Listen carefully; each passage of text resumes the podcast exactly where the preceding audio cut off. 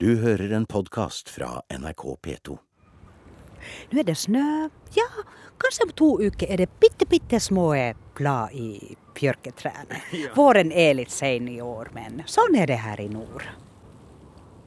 Vi er i skoltesamenes historiske landskap, i Neiden i Øst-Finnmark. Og nå, i juni 2017, kan museumsleder Honna Havas fortelle at det endelig blir offisiell åpning av museet, som har stått mer eller mindre ferdig i åtte år. Alt er klart, og museet har til og med fått nytt navn. Æv. Det er helt fantastisk skoltesamisk ord. Det betyr eh, solens gjenspeil. F.eks. fra Skarasnø eller eh, vannoverflaten.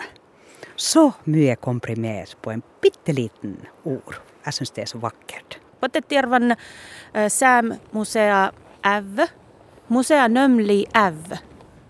Velkommen til AU, det skoltesamiske museet. Navnet på museet er AU. Det var det Heini Veslin som sa, og hun snakker skoltesamisk. Potettirvan njautma. Njautam li odinakai säämsi ta taarist. Aha. Uh, I, I can tell you what I said. Uh, welcome to, to the Naden. Uh, Naden is the only Skoltsami seat in, in Norway. Ikke noe rart at Neiden er det eneste stedet i Norge med en skoltesamisk historie. Skiftende grensedragninger mellom Russland, Norge, Finland og Sverige har delt områdene til den opprinnelige urbefolkningen i Sør-Varanger, både på langs og tvers.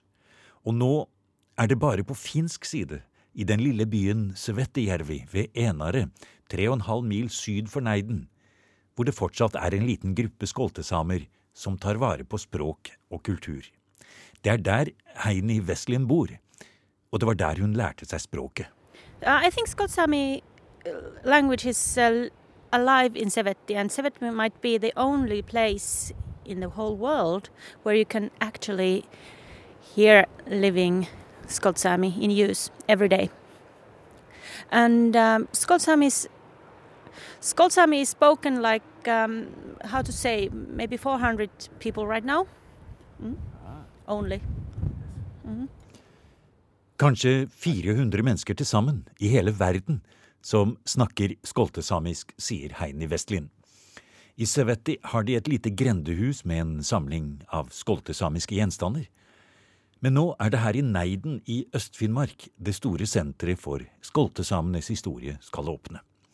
Fra før er både St. Georgs kapell og jordene langs Neidenelva i det som kalles Skoltebyen, fredet av Riksantikvaren. Og at det er både bruk for og sannelig på tide at det kommer et østsamisk museum nettopp her, det er helt sikkert, sier styreleder og historiker Steinar Pedersen. Ja, absolutt. Og, og, og det er jo det her området i, i Norden som, hvor samene har fått eh, tåle eh, statenes grensetrekkinger hardest. Det er det, det, det overhodet ingen, ingen tvil om. Og hvor, eh, hvor den opprinnelige samiske kulturen har fått den hardeste medfarten. Steinar Pedersen har gjennom en lang årrekke vært en fremtredende samisk politiker, forsker og historiker. Både på riksplan, fylkestinget og Sametinget. Og er nå styreleder i Tana og Varanger museumssida, som det nye AU, Skoltesamisk museum, sorterer under. Vi skal høre mer fra Steinar Pedersen om litt, og da får vi annet vite om sammenhengen mellom Harald Hårfagres sønner og sametingsmanntallet. Nå er vi kommet inn på museet. Men først skal vi la museumsleder Honna Havas ta oss med på en tur rundt i den nye utstillingen. Sånn, velkommen til Skoltelandet. Utstillingens, utstillingens navn er Sami gjennom Skoltelandet.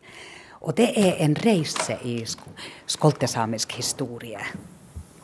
Se her, og nå kommer vi inn i Skoltelandet. Og det som er morsomt her nå, syns jeg, Honna, det er at vi ser at utstillingen vokser frem, og vi er her nå noen små, korte uker før, eller kanskje ikke to uker engang, før åpningen. Og ikke alt er på plass, men nå ser vi hvordan det kommer til å bli mye, mye tydeligere. Ja. De aller, aller fleste gjenstander er på plass. Det er om lag 300 gjenstander. Og det første vi gjør, vi tar båten i bruk. Så denne skoltesamiske båten som er her i utstillingen, den er brukt i innlandsvassdraget i Pasvik. Og i det første rommet har vi et uh, dukk i samiske kulturens røtter. Vi reiser til Tjelmøya, som er et, eh, et lite øy uh, ved innseilingen til Kirkenes. Og reisen startet 2500 år siden. Kanskje går dateringene fra de arkeologiske utgravningene på Tjeldmøya helt tilbake til omtrent år 900 før vår tidsregning. Og som Honna Hava sier, er dette regnet som blant de aller eldste spor av boplasser i de samiske områdene. De arkeologiske utgravningene på Tjeldmøya startet tilbake på 1800-tallet og har gitt et funnmateriale som er særlig rikt på redskaper i bein. Fiskekroker, lystre gafler og steinredskaper er det også funnet mye av. Og pilspisser, skjeer og kniver, pluss keramikk, er i funnmaterialet fra Tjeldmøya. Pluss noen av de aller eldste redskaper i jern som er funnet her i landet. Ut ifra de funnene som er fra Tjeldmøya, eh, vet vi at folk oppholdt det på sommerperioden på øyene og så flytta de til Innlandet eh, på høsten, vinteren. Og det som er interessant, at denne samme eh, flyttesyklusen kjenner man fra det skoltesamiske samfunnet. Så de her øyene, Selmøya og Tjøøya, som ble tatt i bruk eh, for 2500 år siden som sommerboplasser, de er historisk kjente skoltesamiske sommeroppholdssteder. Mm. Det er nesten litt fint det vi ser her nå også, Hånda. For mens vi går og ser på den nesten helt ferdige utstillingen, så ser vi også at dine medarbeidere nå ligger strødd ut på gulvet her med snekkerbelter, med lys, med driller, hører vi. Og de monterer og holder på. Dette er et flott syn, egentlig. Ja, ja, veldig flott. Så nå har vi tre snekkere i arbeid. Uh, Basvik, Kirkenes, Sevettijärvi. Å bygge en slik utstilling som den her, som eh, eh, Det krever helt spesielle snekkerferdigheter. Som det er ikke så mange her lokalt som kan dette arbeidet. Eh, og jeg må si at eh, når jeg ser sjøl hvordan utstillingen eh, tar den fysiske formen, jeg er så fornøyd med utstillingsarkitekt Ungvar Julin sitt arbeid og grafisk designer Martin Skulstads. Ja. Uh, og, det, og, det, blir veldig flott her, for det er, altså rommet er ikke voldsomt stort, men det er delt opp på en veldig oppfinnsom måte, slik at vi blir ledet inn gjennom forskjellig Det er som å følge svingene i en elv. Ja, og elvene, vassdragene, hadde helt sentral rolle Eh, for skoltesamene. Så skolt, et skoltesamisk område, SID, den var organisert i forhold til fastdragene. Sånn som i Neiden, det var Neidenelva som var sentral. Passvik, var det Basvikelva, osv.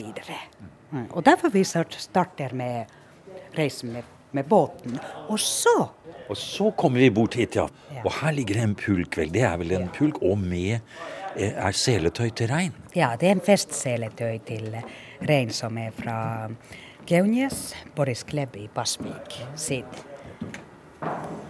Skal vi gå videre og snakke litt om vinteren, for det har med Ja, ok, da går vi rundt her.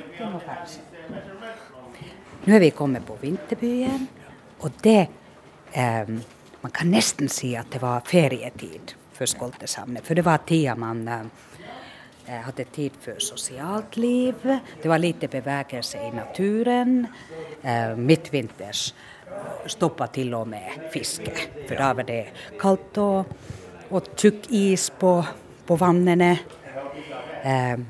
Og det er ikke uten grunn at i de første måneder er det samovar, en russisk tekoker med litt tekopper og Og så ser vi også det er noen bilder her. Vi ser det er noen bilder fra 1934 og 37. Det er faktisk ganske rikt fotomateriale, fra, særlig fra uh, 30, 1930-tallet. For da var veldig mange finske forskere som dro til, særlig til Suenjelsid, som da var del av Finland. Da går det rundt et reinskinn som lager en beholder for et barn. Du må hjelpe meg med ja. denne beskrivelsen. Jo, men altså, det er flott. Vi står her og beundrer det. Og det, det er farver. Og det er akkurat som noen seler med dusker og de samiske Ja, farvene. ja. Og det er små perler som det er festet med helt øverst der. Mm. Og så legger jeg merke til en nokså rørende detaljer. Det er veldig slitt. Så det er jo Det. Det har jo vært brukt. Kanskje mange ganger. Det vi står og ser på, er en sjelden og veldig flott gjenstand, som på mange måter symboliserer hele det nye museet Neiden. En skoltesamisk komse, eller bitte liten vugge for helt små barn. Den er svært sjelden og gammel, og kommer opprinnelig fra russisk side, via de samiske samlingene i Karasjok. Noe av det som blir utstilt, har også kommet fra Grenselandmuseet i Kirkenes. Men det er særlig den faglige og praktiske støtten fra Norsk Folkemuseum Honna Havas trekker fram. Ikke minst i forhold til de mange gjenstandene som kommer fra den samiske samlingen og magasinene til Norsk Folkemuseum. Å ja, ja. Vi har sånn rundt 50 gjenstander fra Norsk Folkemuseum. Og jeg må si at samarbeidet med Norsk Folkemuseum har vært helt u, uvurderlig. Nei, kan jeg ja, det Du, du, Vi kan nesten ikke ta det på fint. Det er mange flotte gjenstander i utstillingen. Både fra arkeologiske funn i Sør-Varanger og fra dagligliv og nåtid i den skoltesamiske kulturen. Men foran den flotte barnevuggen fra Russland trenger vi hjelp fra Heini Westlin. Of course, it's very valuable and old chitkam. And Chitkam, that's what you call yes. in Skolt-Sami, chitkam. And those are not so many left. And most people can see those in museum than home. Mm. And um, you see this um chitkam. It's not the, how to say, not as deep as the others. But in Skolt-Sami tradition, they took the wood, wood out of tree and the tree should keep alive. If if the tree kept alive, the baby kept, stayed alive also. I monteren er barnevuggen flott å se på, men sammen med Heini Westlins forklaringer om hvordan den ble brukt og hvilken rolle den hadde i skoltesamisk tradisjon, blir den enda mer verdifull. Det er mange detaljer knyttet til en skitkam. Blant annet skal den aldri vugges tom. Det kan skade et fremtidig barn som legges i den. Derfor er det også en dukke plassert i vuggen som står i monteren. Og avhengig av om det er en guttebaby eller jentebaby, ble det lagt forskjellige ting av metall under pels og tepper, sier Westlin. Also, the metal was important. Uh, if there was a girl baby in the chitkam, and then of course there was uh, calf skin or maybe rabbit skin, and some moss to take out the moisture. But under the skin, there was for, for a girl there was scissors, and for a boy there was a knife, Scissors and knife metal. in the cradle. Mm, yeah, under under the baby. M- Maybe the maybe here under the legs, Mm-hmm. but uh, for for a baby there needed to be scissors or a knife. Heini Westlin bor i den skoltesamiske byen Sevettijärvi, rett over på finsk side av grensen, bare 3,5 mil syd for Neiden. Der er det ennå 300-400 personer som bruker det skoltesamiske språket, og som for eksempel vet hva en skittkam er. Men disse vuggene er så sjeldne at det nesten ikke er noen som bruker dem lenger. De tar tid å lage, og kunnskapen begynner å bli borte. Men hvis noen skulle bruke en shitgum til sin baby, så er det stor stas, sier Veslin. Of course, it's very handy, but it's it, it it is it takes time to make it, and uh, that's very unfortunate that all these valuable traditions are lost. Nowadays, this is not must. It's not must to have. People can, people can survive without. And also, it takes it takes so much time and effort to make one, and there's not so many left. What people could inherit, and that's why you cannot you cannot find it. But it when you when someone has it, it's kind of sta- status symbol. Ah. It means that you have something something really valuable if you if you can put your baby in in Chipcom. Heini Westlin forteller om mange flere detaljer. Om solens stråler, metall og tekstil, tre og farger som ligger gjemt i denne gamle barnevuggen. Men vi må gå videre, for sammen med styreleder Steinar Pedersen skal vi opp trappene til utsiktsplattformen på taket av Au skoltesamiske museum. Der er utsynet hvitt. Ikke bare hele Neidendalen, E6-en og Åsene i Finland. Men her står vi også på stedet Sametinget gjorde til sitt tusenårssted, sier Steinar Pedersen. Og det, det er jo et tus, samisk tusenårssted med virkelig rikshistorisk eh, betydning også, fordi at eh, innlemmelsen av det skoltesamiske, eller denne delen av det skoltesamiske landet i, i 1826 markerer jo også den endelige samlinga, rikssamlinga av Norge, som Harald Hårfagre starta ja, om lag, åtte, ja, om lag 1000 år, stil, eh, 1000 år tidligere. Og det her markerer da slutten på den samlinga, prosessen. For, en, for noen flotte vyer det var, å knytte det sammen på den måten. Og Harald Hårfagre, hadde ikke han også ifølge sagaen en samisk kone også? Eh, Det hadde han i, i aller høyeste grad. Han hadde jo flere, flere koner da. Men en av dem var jo, eh, var jo en samisk eh, kvinne fra, fra Dovre. Eh, og de hadde jo flere, eh, flere sønner. Eh, og det, det er interessant når du, når du nevner det aspektet at han var gift med en samisk dame, fordi at eh, eh, hvis, eh, hvis eh, eh, det samiske valgmanntallet hadde e- eksistert på Harald Hårfagres tid, eh, så ville sønnene hans de ville kunne stått i det samiske valgmanntallet.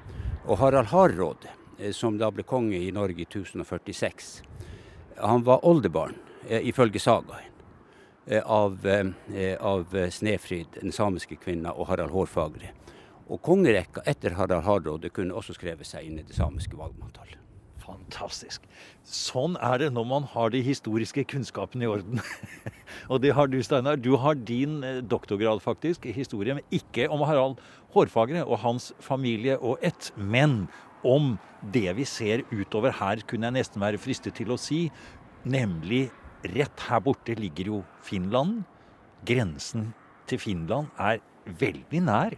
Og det er vel litt av poenget med at, kan, at det går an å gå opp på dette taket, nettopp å se utover dette området. Hvor Finland ligger der borte, og dette klassiske området i Finnmark som jo egentlig ble forandret, i hvert fall menneskenes liv her, av grensetrekningen i 1751, som er ditt spesialområde. For før 1751 Ja, før eh, 1751 så var jo eh, den her nordlige delen av det som nå er i Norge et ganske grenseløst eh, område. Det var et samisk område fra gammelt av. og eh, Første gang den norske stat, eller den danske stat, får enejurisdiksjonen over noen del av Finnmark, det var, i, det var så sent som i 1613. Og i 1751 så ble jo grensa mellom, eh, mellom Sverige og Norge eh, trukket. Og Finland var jo, var jo på den tida en del av eh, Sver ordinær riksdel av eh, Sverige. Sånn at eh, svenskegrensa ble trukket nesten frem til der vi står i dag, her i, i eh, Neiden. Eh, og, men det som skjedde i forbindelse med den grensetrekkinga, det var jo at eh, det ble knytta et tillegg om de grenseoverflyttende samenes eh, rettigheter i det andre eh, landet. Den såkalte lappekodisilen. Og den, eh, i prinsippet er den jo ikke oppheva enda i, i dag.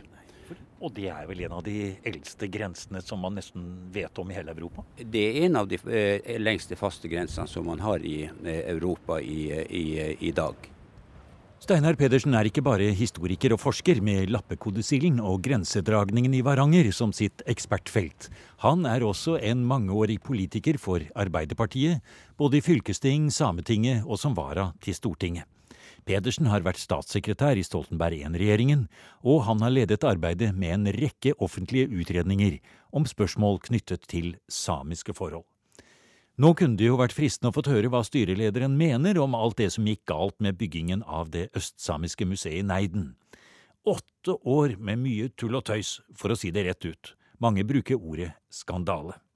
Men det var før Pedersen kom inn i bildet og startet oppryddingen.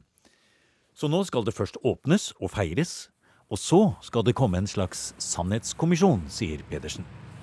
Akkurat nå i, i denne fasen så er jeg så glad at jeg, jeg nesten ikke begynner å tenke på de tingene, tingene der. Men, men, det er jo faktisk sånn at eh, vi skal inn i en prosess nå for å, for å evaluere eh, det, det her byggeprosjektet. Og Statsbygg har satt av midler eh, til å gjennomføre en evaluering. Og det regner jeg med at eh, både Statsbygg og andre aktører her eh, vil ha noe å lære av Eh, av, en, av, den type eh, evalueringsprosess. Men det vil jeg si eh, at når Statsbygg så at det her var galt av sted, så hadde vi, et, har vi hatt et meget godt samarbeid med dem. Ja, det er jo vel verdt å glede seg over det. For nå er det åtte-ni år siden museet var ferdig. Ja, det, det tidsperspektivet er også helt eh, riktig. Og en stor del av de åtte til ni årene har, vært, eh, har gått med til eh, å utbedre eh, ting som burde vært annerledes gjort tidligere. Pluss at man, vi har måttet, måttet sette i verk nye tiltak for, og, og, nye investeringer for ting som ikke var påtenkt, men som var helt, helt nødvendig. Men hvordan er det nå? Kommer det østsamiske museet her nå til å få lov til å bli den viktige delen av formidlingen av østsamisk historie som det var tenkt? Er det tilstrekkelig budsjettmidler her? Er det tilstrekkelig med stillinger? Hvordan skal man på så vidt fylle den rollen som man håpet at dette museet skulle være, hvis budsjettene muligens ikke dekker mer enn husleie og én stilling? Ja, du, du, er inne på helt vesentlige utfordringer som vi har eh, fremover. Eh, og, og, og, her er det snakk om, eh, snakk om eh, både, er snakk om Sameting og det snakk om sentrale myndigheter. Og det vil være ille hvis, hvis det samiske tusenårsstedet og det skoltesamiske museet her ikke skal bli mer ikke skal, til, ikke skal ha mulighet til å utvikle seg videre enn at det, man kanskje bare har én eller to stillinger. Men det er, det er, noe som vi nå må Det er en prosess vi nå må inn i eh, for å få, eh, for å få, for å få løst. Eh, fordi at det, Og skoltesamene så er jo den samegruppe i Norge som har fått den hardeste medfarten i forbindelse med at det samiske landet ble innlemma i Norge. Og, og Sametinget har jo bestemt at dette skal være det samiske tusenårsstedet. Eh, nettopp, eh, å, eh, nettopp i solidaritet i forhold til det skoltesamiske samfunnet, og med et ønske om at, om at det her museet skal, bli, skal, bidra til vekst og utvikling for skoltesamisk kultur. Og selvfølgelig i samarbeid med andre skoltesamiske institusjoner. Og det vil jo legge, ligge veldig godt til rette for at den type institusjoner samlokaliseres med museet her. Og en ting til som vi må få gjort noe med, sier styreleder Steinar Pedersen. Store deler av det gamle skoltesamiske området ligger på russisk side av grensen.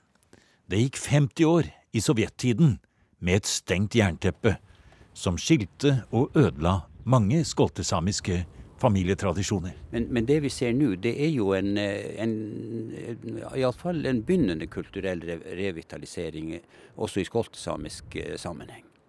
Og, og, der håper vi jo at eh, Skoltesamisk museum eh, kan eh, bidra positivt i en sånn eh, prosess. Eh, sånn at eh, samene i dette området igjen kan bli en ja, i prinsippet like grenseløs befolkning som man var før grensene ble tråkket. Og denne visumfrie sonen mellom Norge og Russland kunne jo være en begynnelse til, til det. Og ideelt sett burde det jo være sånn at, eh, samene i grenseområdet, også utenom denne sonen i Sør-Varanger og, og, i Pasvik, på, på, russisk side i Pasvik.